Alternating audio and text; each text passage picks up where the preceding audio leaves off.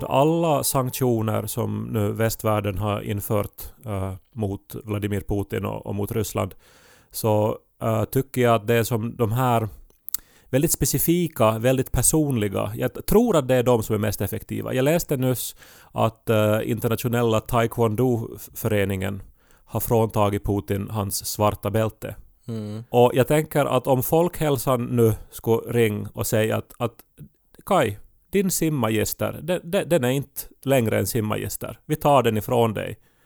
Så skulle någonting, alltså jag tror att jag skulle ha jättesvårt att ta det och veta vem jag är efter det. För jag blev simmagister när jag var 11 år. Och det var kanske det största som hade hänt mig. Så att skulle det försvinna idag, så då vet jag inte vem jag är längre. Och jag tänker mig att Vladimir Putin berörs mera av det här än av att till exempel rubeln rasar. Ja, jag, jag tycker det är en jätteintressant tanke och jag, jag, tror att du har helt huvudet på spiken. Alltså så är det ju.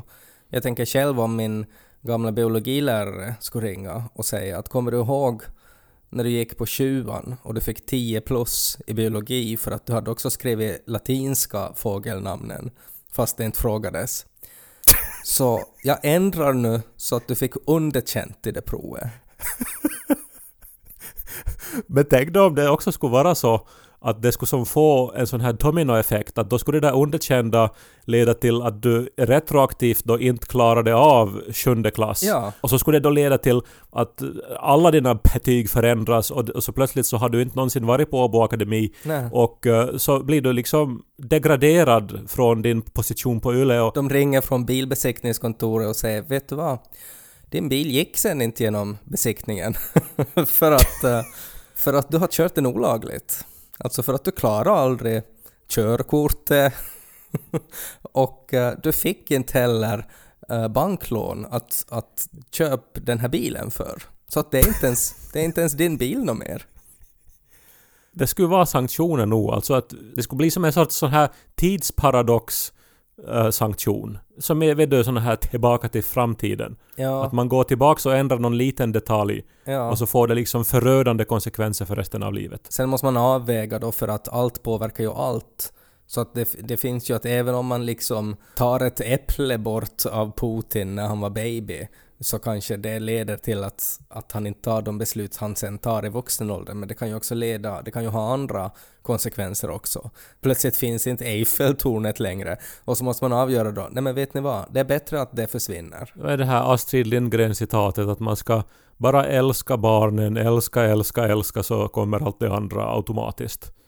Så här. Att Mm. är det nog ändå att man borde gå tillbaks då och ge Putin ett äpple Mm. eh, extra eller någonting. Nu känner jag inte till hans barndom men jag antar att det inte var familjen von Trapp ändå. Nej, det tror man ju inte. Man borde kanske ge ett äpple åt hans föräldrar. Men nu sitter vi nästan och skrattar bort eh, det här alltså, men det gör jag också för att eh, lindra egen ångest kanske. Mm. Det som just det här när jag steg upp idag och så läste jag då att Taekwondo-föreningen har tagit bort Putins bälte. Så då kände jag som alltså en sorts lindring via att jag tyckte att det var fyndigt och roligt. Mm. Men annars så, så tycker jag det här är helt klart något av det obehagligaste som har hänt eh, i liksom hela livet, Mm. skulle jag säga. Ja. Alltså en sån här känsla av att allt står och väger nu. eh, På, på något sätt. Och, så, och som så plötsligt också. mm. Att det liksom gick på något sätt från 0 till, till 99. Och att vi är som bara ett litet steg ifrån någonting alldeles katastrofalt. Ja, och sen om man börjar liksom tänka då att var, var i raden är det här? När det då har varit pandemi och sånt där liksom före, som ju också är en, en sån här jättestor grej som påverkar liksom hela världen. Um, och man är sådär att ja men det här, vi, vi tar oss igenom det här och vi kompromissar och vi hittar på lösningar och, och vi får det att funka. Och sen händer en sån här grej sen efter det. Lite väl mycket såna här en gång på hundra år händelser just nu. Mm. Och sen finns ju då det här White Walkers då, som är alltså klimathotet då. Det var ju någon rapport igår också som totalt förstås drunkna i nyhetsflödet av rapporter från Ukraina. Alltså en ra- rapport om att, att vi är som jättefakt när det gäller klimatet. Som ju ingen förstås nu då tänker på för det finns, Nej. upplever man då ett jätteakut hot. Ja, jag vet inte vad det skulle kunna komma till ännu. Alltså, nu, det kommer väl aliens ännu det här året, antagligen. Var inte typ en sån här diskussion som gav upphov till filmen Sharknado? När det var några vänner som försökte liksom föreställa sig att vad är som det värsta som skulle kunna hända ännu? Mm. Och så är det som då, alltså att, no, men förstås en sorts tornado i havet som får med sig hajar eh, i sin luftström. Och så sprids hajarna då som ett regn över land och får äta upp människor. Ja, man skulle ju inte kunna införa sanktioner mot en Sharknado. Men kanske det skulle vara just en katastrof till eh, som skulle vara så här akut. Alltså någon stor vulkan skulle plötsligt eruptera eh, i, nå, låt oss säga nu då, eh, nå, jag vill ju inte offra något område här, men ändå som någonstans nära Europa, som skulle som tvinga människor att fokusera omedelbart på den. Kokkola. Om man skulle måste offra något ställe. nu är det ju Kokkola ganska högst upp. Ja, men det är nog så nära Pedersöre ändå. Det finns nog mycket skit i Kokkola, men inte skulle jag nog ändå vilja att just där av alla ställen. Ja. Men någon, nå- nå- någon, någonting sånt här som bara skulle få människor att, att liksom stanna upp och förstå att okej, nu, nu, nu måste vi arbeta tillsammans. Måste som glömma att uh, folkhälsan fråntog mig min simmagister. Mm. Att eh, nu handlar det inte om, om mig och om eh, makt och så vidare, utan nu måste vi bara överleva tillsammans. Det kan nog hända. Alltså att det skulle, det skulle bli liksom, det skulle vara en så stor grej så att nu går det inte att fortsätta nu, nu går det inte liksom att blunda för det här. Nu kan man inte bara välja att nej men jag slutar läsa nyheter nu ikväll. Och så ska det leda till en, en sorts ny tidsera av fred på jorden. Jag har ju faktiskt varit med om, om en sån personlig händelse som fick mig att fokusera eh, helt och hållet på, på någonting annat den här veckan också. Det kan jag rekommendera till människor som, som sitter och oroar sig för världen just nu. Att gå och bryta nyckelbenet. Ja, då har man, det är väldigt så här lokalt ehm, och det, det får en att tänka på andra saker. Fysisk smärta är väl alltid... Man föredrar väl det egentligen framför mental smärta, skulle jag säga. Nu inser jag att det låter som att jag på något sätt pratar om självskadebeteende och det menar jag ju förstås inte, men att det är ju som en, en så här liksom ett led i att man, man ändrar perspektiv, man börjar tänka på andra saker. Ja, men helt enkelt att när ens största problem är att få på sig eh, sina kläder, så då tror jag inte att man sitter och funderar på att okej, nu borde jag liksom invadera grannlandet här för att återställa någon sorts imperium som jag drömde om som barn.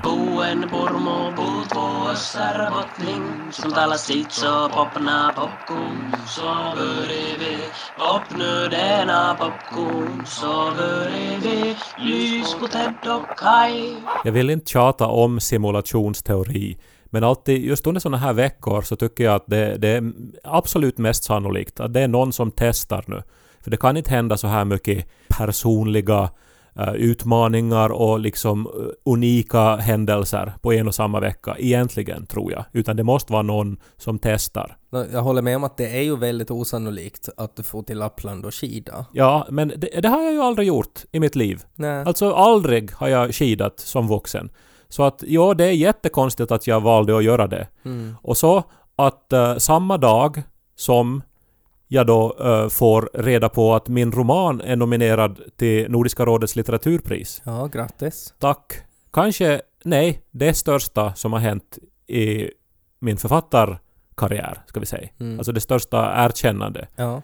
Den dagen invaderar Putin Ukraina och eh, så får vi och skidar och så ramlar jag i backen och bryter nyckelbenet som aldrig heller har hänt tidigare, att jag har brutit ett ben. Nej.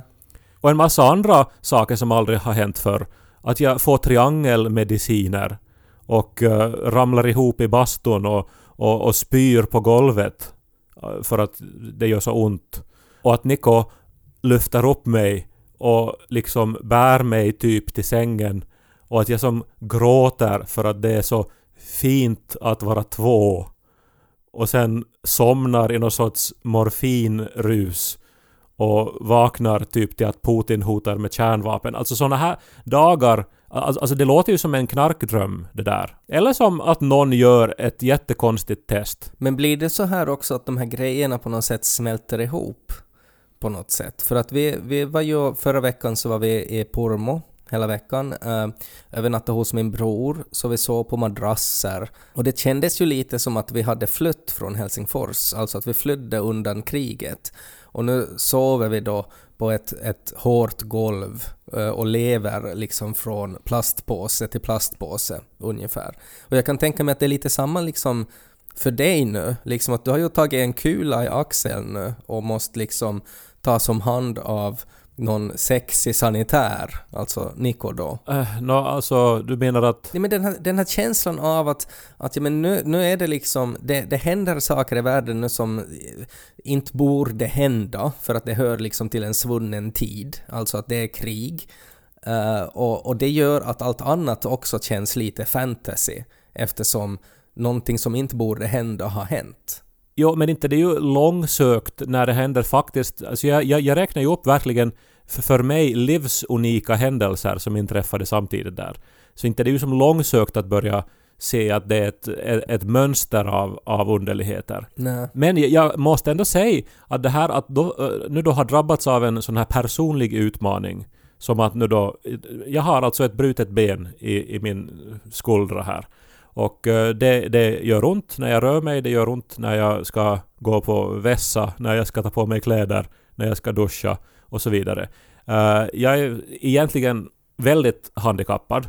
Så det fokuserar ju, alltså man, man, man liksom tvingas verkligen ta på något vis en sak i taget och liksom att nu är min utmaning då att nu ska jag få smör på den här brödbiten här hur ska jag göra? Och så försöker man på olika sätt. Och sen när man klarar av det och får då det här brödet i sin mun, så då är det som en, en, en triumf som är jämförbar med, med, med liksom såna här vet du, lyckade arbetsdagar förr. För att det, det är som... Man är så totalt fokuserad bara på den där stunden. Mm. Och, och det här lindrar också, tror jag, min ångest över världsläget just nu. För att jag, jag, är så totalt i min egen bubbla av personliga utmaningar. Ja, men också personliga utmaningar som du på något sätt klarar av så att din hjärna belönar dig regelbundet med så här ”det här klarar du bra” medicin som ibland sprutas ut. Och att du får det liksom så här mycket mer regelbunden takt nu än om, om du annars bara får det när du blir nominerad för Nordiska rådets litteraturpris. Ja, no, det var ju en lite Alltså det är ju jätteroligt att ha blivit det, men det, eh, det var liksom en sån här ändå lite grann slösad uh, sån här endorfin chock för att det liksom drunknar lite grann i allt det här andra nu. Mm. Men det är ett fascinerande sätt att se på livet det här, att det liksom måste finnas en sorts personlig utmaning som man kan fokusera på. Alltså det här stämmer ju på så jättemycket olika saker. Alltså människors hobbyer till exempel och olika passionsprojekt. Mm. Uh, och att skaffa barn. Alltså någonstans läste jag ju då att att liksom, det är ju för att man måste ha problem med sitt förhållande som man skaffar barn. Alltså då menar jag inte... Okej, okay, det var kanske fel uttryckt i förhållandet, men att man måste ha utmaningar i livet. Alltså mm. det, det, måste finnas problem att lösa, det måste finnas frustration att ta itu med. Mm. Och där fyller då barnen en jätteviktig funktion också för förhållandet. Ja, våra hjärnor är ju på något sätt biologiskt gjorda för problemlösning. Eh, så det är ju inte alls konstigt att det är så. Många fyller ju sådana här behov också med jobbet, alltså att man har ett utmanande jobb och på det sättet då känner att nej, nu har jag klarat av mina utmaningar idag. Ehm, och har man inte ett utmanande jobb så då fyller man det med andra sätt, som att skaffa utmanande barn eller ha utmanande hobben. Problemet är ju att om man skapar sådana där utmaningar åt sig själv och så kommer det liksom så här extra utmaningar på köpet, att det ploppar upp en liten ruta någonstans att ha, nu är det för sen en pandemi så att kan hända du sjuk, blir jättesjuk. Alla du känner också. Och så är man så här att okej, okay, men en extra svårighetsgrad och så tar man en till utmaning och så ploppar det upp en ruta. Ja, Putin invaderar grannländerna så att eh, ja, lycka till, hej då. Jag tänker väldigt långt så här nu för att uh, jag har börjat spela ett nytt spel som är väldigt populärt just nu, Elden Ring, som, eh, som är väldigt utmanande och hela spelet går ut på att det här är ett svårt spel. Uh, det blir game over väldigt, väldigt lätt. Och det har lite samma, samma fundering där också, att, att det, det, det är liksom jätte, jätte utmanande, men när du vinner, när du klarar av de här bossarna som du har liksom dött mot 400 gånger, så då blir det jätte, jätteskönt. Jag har någon gång tänkt att en sorts eh, hjälp till uh, dagens unga generation som har ångest inför världsläget och inför livet förstås som man har när man är ung och så här eh, är kanske att Netflix, Spotify, alla sådana här tjänster borde införa att man måste spola tillbaks filmerna. Och man måste spola till nästa låt när man lyssnar, om inte man vill lyssna på en låt. Alltså skapa sådana här utmaningar, sådana här att man måste faktiskt jobba lite grann för att få det man vill ha. Så när man liksom börjar se då House of Cards, så det är som att oj nej, de som såg det före mig har inte spolat tillbaks det. Då måste man först spola till början av avsnittet.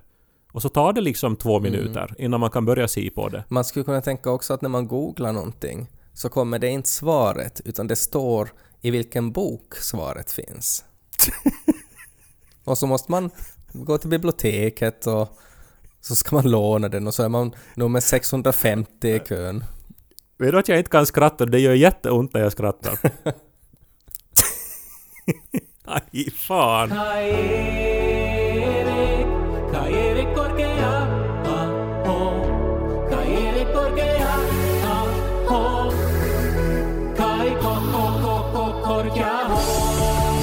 Västvärlden står ju enad på ett väldigt rörande sätt ändå inför det här som händer nu då i Ukraina.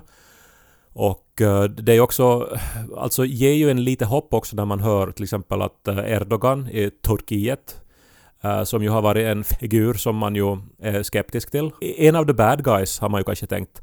Så han har nu också på något sätt visat att han är emot det som händer i Ukraina genom att då stoppa ryska fartyg från att ta sig in i Svarta havet. Och eh, Orban i Ungern är ju liksom också på något sätt nu på uh, det här västs sida mera än på Putins sida.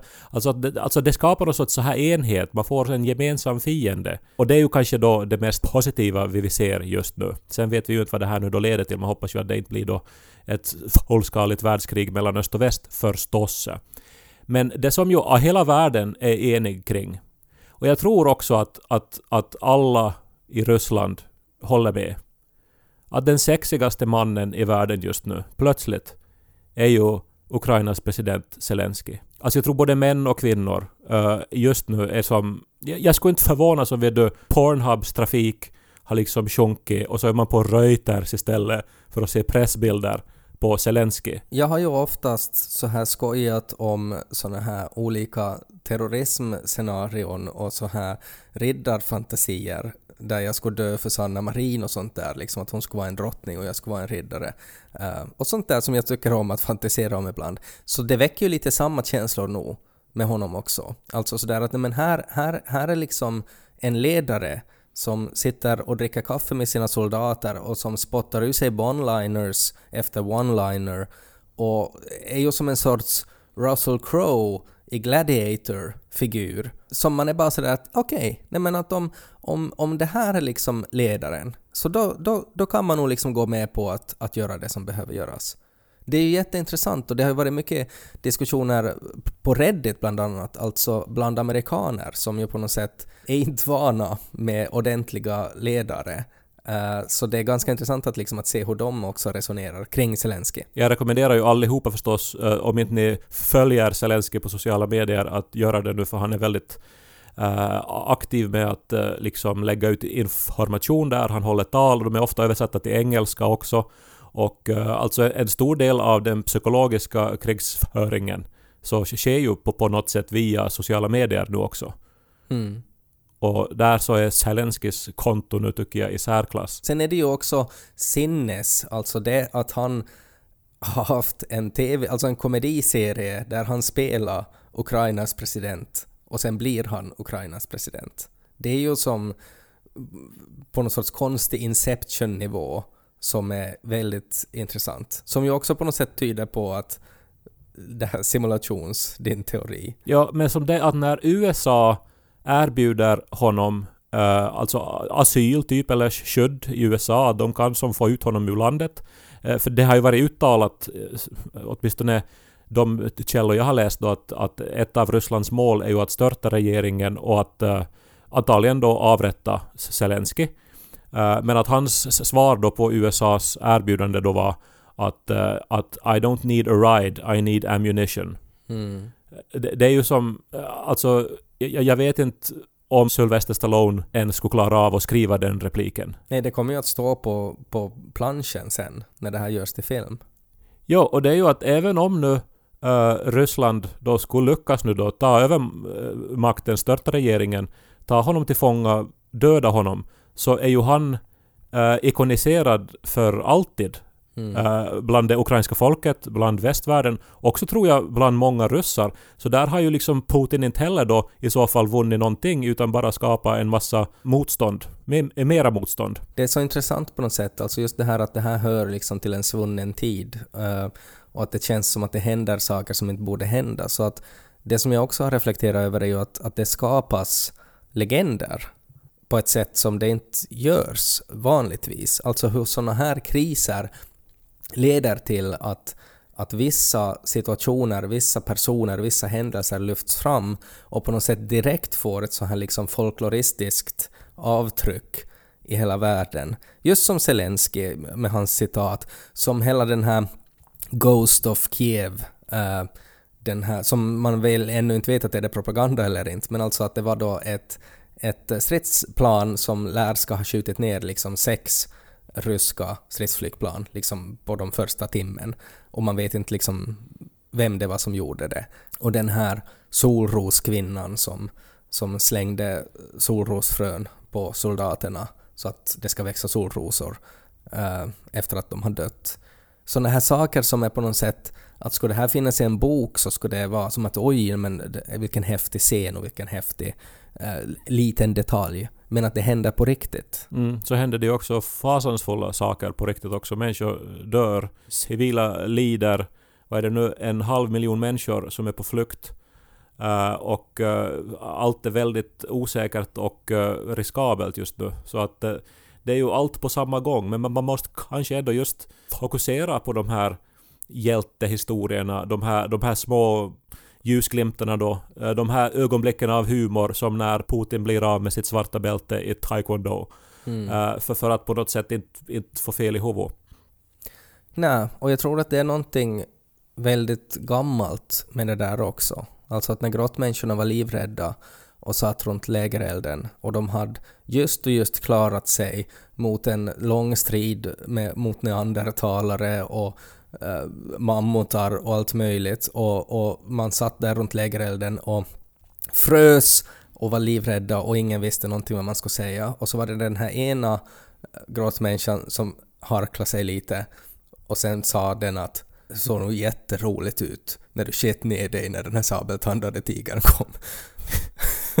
och så blir det på något sätt ett sorts skratt och så blir det förlösande och så leder det till andra diskussioner och så börjar man prata om den här ena grottmänniskan som offrar sig så att de andra ska kunna fly in i grottan. Att man lyfter fram de här positiva sakerna för att det tror jag också är mänskligt att tänka på.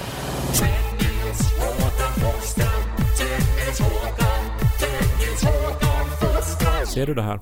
Kanske micken är i vägen. Vi spelar in det här på avstånd så du tittar på mig alltså via en skärm men ja. ser du det här? Ja, det, det ser lite svullet ut. Det, det, det, är alltså mitt nyckelben som sticker ut ur axeln. Alltså det, det, inte, det, det, har inte trängt genom huden. Nej. Men det pressar mot huden. Det är som en, en, eh, en stor bula på min axel här. Mm. Och det här, uppsvällda här, är mitt, min bröstmuskel som har blivit liksom två gånger större. Jag antar att det här är vätska eller någonting. Mm. Det var så många eh, tankar som hände. Alltså dels gjorde det jätteont att då när jag ramlade, men den här känslan av att ja, vänta nu, jag kan ju gå sönder. Alltså, jag, jag, jag är på något sätt mekanisk, jag är biologisk, jag vet, men på något sätt så är det ändå delar som funkar tillsammans och delarna kan gå sönder. Mm. Och det här är ju självklart för alla som har då, inte som jag, levt ett väldigt skyddat liv och varit totalt frisk och aldrig varit sjuk tidigare egentligen. Men det blev ändå en sån här, en sån här häpen insikt på något sätt. Och sen så skriver det ju om alla actionfilmer också. För bara tanken, alltså jag menar jag ser framför mig Mel Gibson som liksom ramlar från byggnader och blir skjuten i ben och, och, och, och axel och, och sen bara fortsätter och går vidare och biter ihop. Mm. Så, så, så, bara idén att jag nu skulle måste som strida vidare efter att ha ramlat i skidbacken mm. är ju... Är, alltså det, det är inte bara att jag vet du, inte då är modig utan det är fysiskt omöjligt alltså. Det går ju inte att fan röra sig. Ja, det blir så tydligt också att man kan fatta beslut som gör att att ens kropp kan gå sönder. Som gör ju också på något sätt en sån här känsla av att varför gjorde jag det där? Som, där det finns en risk att, att någonting går sönder i mig. Och det var ju nog eh, barn också som skida på samma spår. Uh, så det handlar ju nog också om förstås min uh, bristande erfarenhet på skidor som gjorde att jag ramlade. Har du ingenting du kan skylla på då? Alltså kan du inte liksom peka ut vems fel det var? Alltså någon som hade... Det var liksom dåligt tagit hand om skidspåret eller någon som skidade förbi dig som gjorde att du måste hoppa åt sidan och så hände det. Alltså att du skulle kunna på något sätt så här kanalisera en sorts känsla av oförrätt. Jag är inte intresserad av att göra det heller. Jag är faktiskt alltså... Eh, även om det, det, det gör ont och så vidare, men det, jag är ändå på något vis ivrigare än på länge. Och jag tror att det har att göra med att dels att jag får fokusera mina tankar nu på någonting väldigt konkret och uh, verkligen leva i nuet, men också att, att det är nya saker som händer. Alltså jag, jag får vara med om en massa nya grejer uh, som jag inte har upplevt tidigare. Och, och, det är ju ändå det här nyheter, nya upplevelser som, som gör att man lever uppe på något plan. Jag ska till en ortoped imorgon, en sån här kändisortoped. Och så uh, ska jag kanske opereras, det vet jag inte ännu. Jag har aldrig blivit opererad heller, det är ju en ny grej i så fall. En kändisortoped, alltså en vanlig ortoped som opererar på kändisar, eller är han liksom inte vanlig utan han är en kändis? No, nu råkade det sig så att jag för några år sedan uh, tecknade en försäkring. Uh, jag blev egentligen lurad av mitt försäkringsbolag att ta en sån här extra försäkring. Men jag gjorde nu det. Jag tänkte att det är väl bra att ha en hälsoförsäkring då. Och sen jag nu haft den där då, inte har jag ju varit sjuk så att de har ju liksom skott sig på mig, tagit mina pengar. Men nu plötsligt då så gör den här försäkringen att jag har möjlighet då att välja kändisortopeden om jag vill. Mm. Och så får de stå för fiolerna så att säga. Så jag googlade förstås då kändaste ortopeden i Finland. Och så är jag inne på så här på David Beckhams CV typ och att han har blivit opererad av, av en sån här eh, finsk ortoped. Men han, han var tydligen 87 år nu så han kunde jag inte längre få. Var det inte någonting att han hette liksom herr Ekorre? Ja, Orava. Ja. Sakari Orava. Ja. Man tänker ju sig en sån här Bamse-figur, alltså en ekorre med vit rock. Ja. Men du ska träffa kändisortopeden nu då och så Ska vi hoppas då att det inte blir operation? För det finns väl risk att det blir operation också? No, jag, jag, vet inte alls eh, hur det här nu då kommer att gå och åtminstone enligt Google så är det så här 50-50 löns det att operera eller inte. Men äh, eftersom mitt nyckelben är så pass eh, felplacerat just nu att det verkligen sticker ut ur min axel som du ser här äh, så, så, så känns det som att de måste göra någonting, att inte kan ju det här läkas av sig själv. Nej. Men kan jag skicka ut som en rekommendation då för att jag jag, jag, jag vet att, att min ångest över världsläget just nu skulle vara mycket större än vad den skulle vara om inte jag skulle ha ett sånt här personligt projekt att fokusera på. Mm. Att människor där ute äh, tar sig nu någonting, någonting nytt, no, no, någonting svårt och personligt som man nu tar itu med för att få bort tankarna från oron över världsläget. Jag tycker det är ett jättebra tips. Jag skulle kanske inte bryta nyckelbenet, men man skulle kunna bryta något... något jag vet inte vad som är bäst att bryta. Men no någonting som gör att det inte liksom gör ont att skratta kanske. Kanske något eksem som man behandlar med någon salva, men att det är ändå sådär att man oroar sig och ändå följer med det där eksemet. Eller så här att liksom med flit typ få in ohyra i sin garderob eller någonting. Att man får till någon sorts uh, affär och köper larver och så, och så liksom med flit infekterar man sitt hem så att man sen då måste uh, bekämpa, vet du. Det är ganska bra. Och då är det liksom det värsta som kan hända är liksom materialkostnader, liksom att saker går sönder. Men sen är det ju väldigt konkret också att när man då får faktiskt döda insekter och ser sen när, när de inte finns längre och använder starka gifter och sådär. Eller så skaffar man krukväxter. De dör ju allihopa och, och skapar sorg och utmaningar. Här kom ju många jättebra alternativ i olika så här nivåer.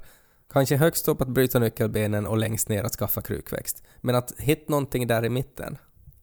Vi hörs igen nästa vecka. Hoppas att uh, din axel är bättre då och hoppas att världen ser bättre ut nästa vecka. Fred på jorden.